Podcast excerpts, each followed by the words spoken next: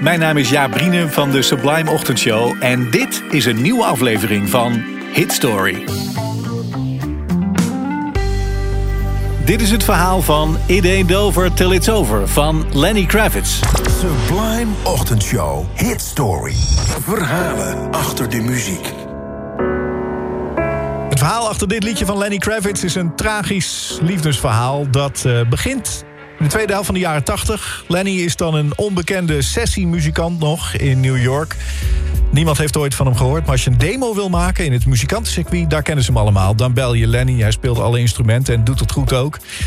En hij ziet er natuurlijk opvallend uit, dan ook al. Hij ontmoet uh, de latere liefde van zijn leven, Lisa. Lisa Bonet is uh, een beroemd actrice op dat moment. Ze heeft gespeeld in The Cosby Show, een van de populairste series in de jaren 80. Ze heeft inmiddels haar eigen spin-off van die serie uh, gekregen. Dus zij is een grote ster, zij is beroemd. En hij wordt een beetje in haar slipstream ook beroemd als de man van Lisa Bonet, Lenny Kravitz. Die twee zijn stapel verliefd ze vluchten naar eh, Las Vegas om daar stiekem te trouwen. Ze krijgen een dochtertje, Zoe. Ze gaan samenwonen in New York.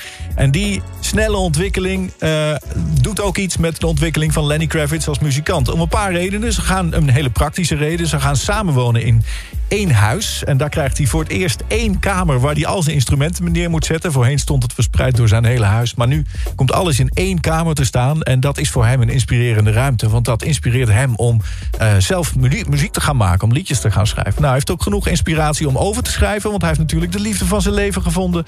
En hij heeft zijn dochtertje. Dus hij begint te schrijven over die twee. Hij schrijft liedjes. Hij schrijft een heel album vol.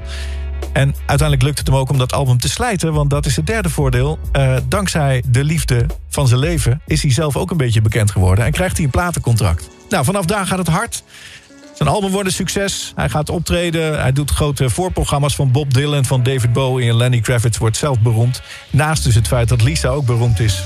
En dan gaat het eigenlijk een beetje te hard tussen die twee. Zo hard dat de relatie op de klippen loopt. Begin jaren 90. En dan zingt Lenny in een diep zwart gat. Juist op het moment dat hij aan het schrijven is voor zijn tweede album. Hij trekt zich terug. Hij verhuist even tijdelijk naar L.A., naar de andere kust. Hij gaat daar op een hotelkamer zitten. En daar heeft hij een piano naartoe gesleept. En daar in het donker begint hij te schrijven aan liedjes. In het donker, want dat zegt hij, zo voelde ik me. Ik zat in het donker. Ik zat in de donkerste periode van mijn leven. Ze waren uit elkaar, ze waren nog niet gescheiden. Maar het ging niet meer goed tussen die twee. En hij begint te schrijven. Op een avond schrijft hij zo een liedje dat eigenlijk heel vrolijk klinkt. Dat ook wel een beetje hoopvol klinkt. Een liedje waarmee hij later zegt... Uh, waarmee ik mijn vrouw wilde terugwinnen.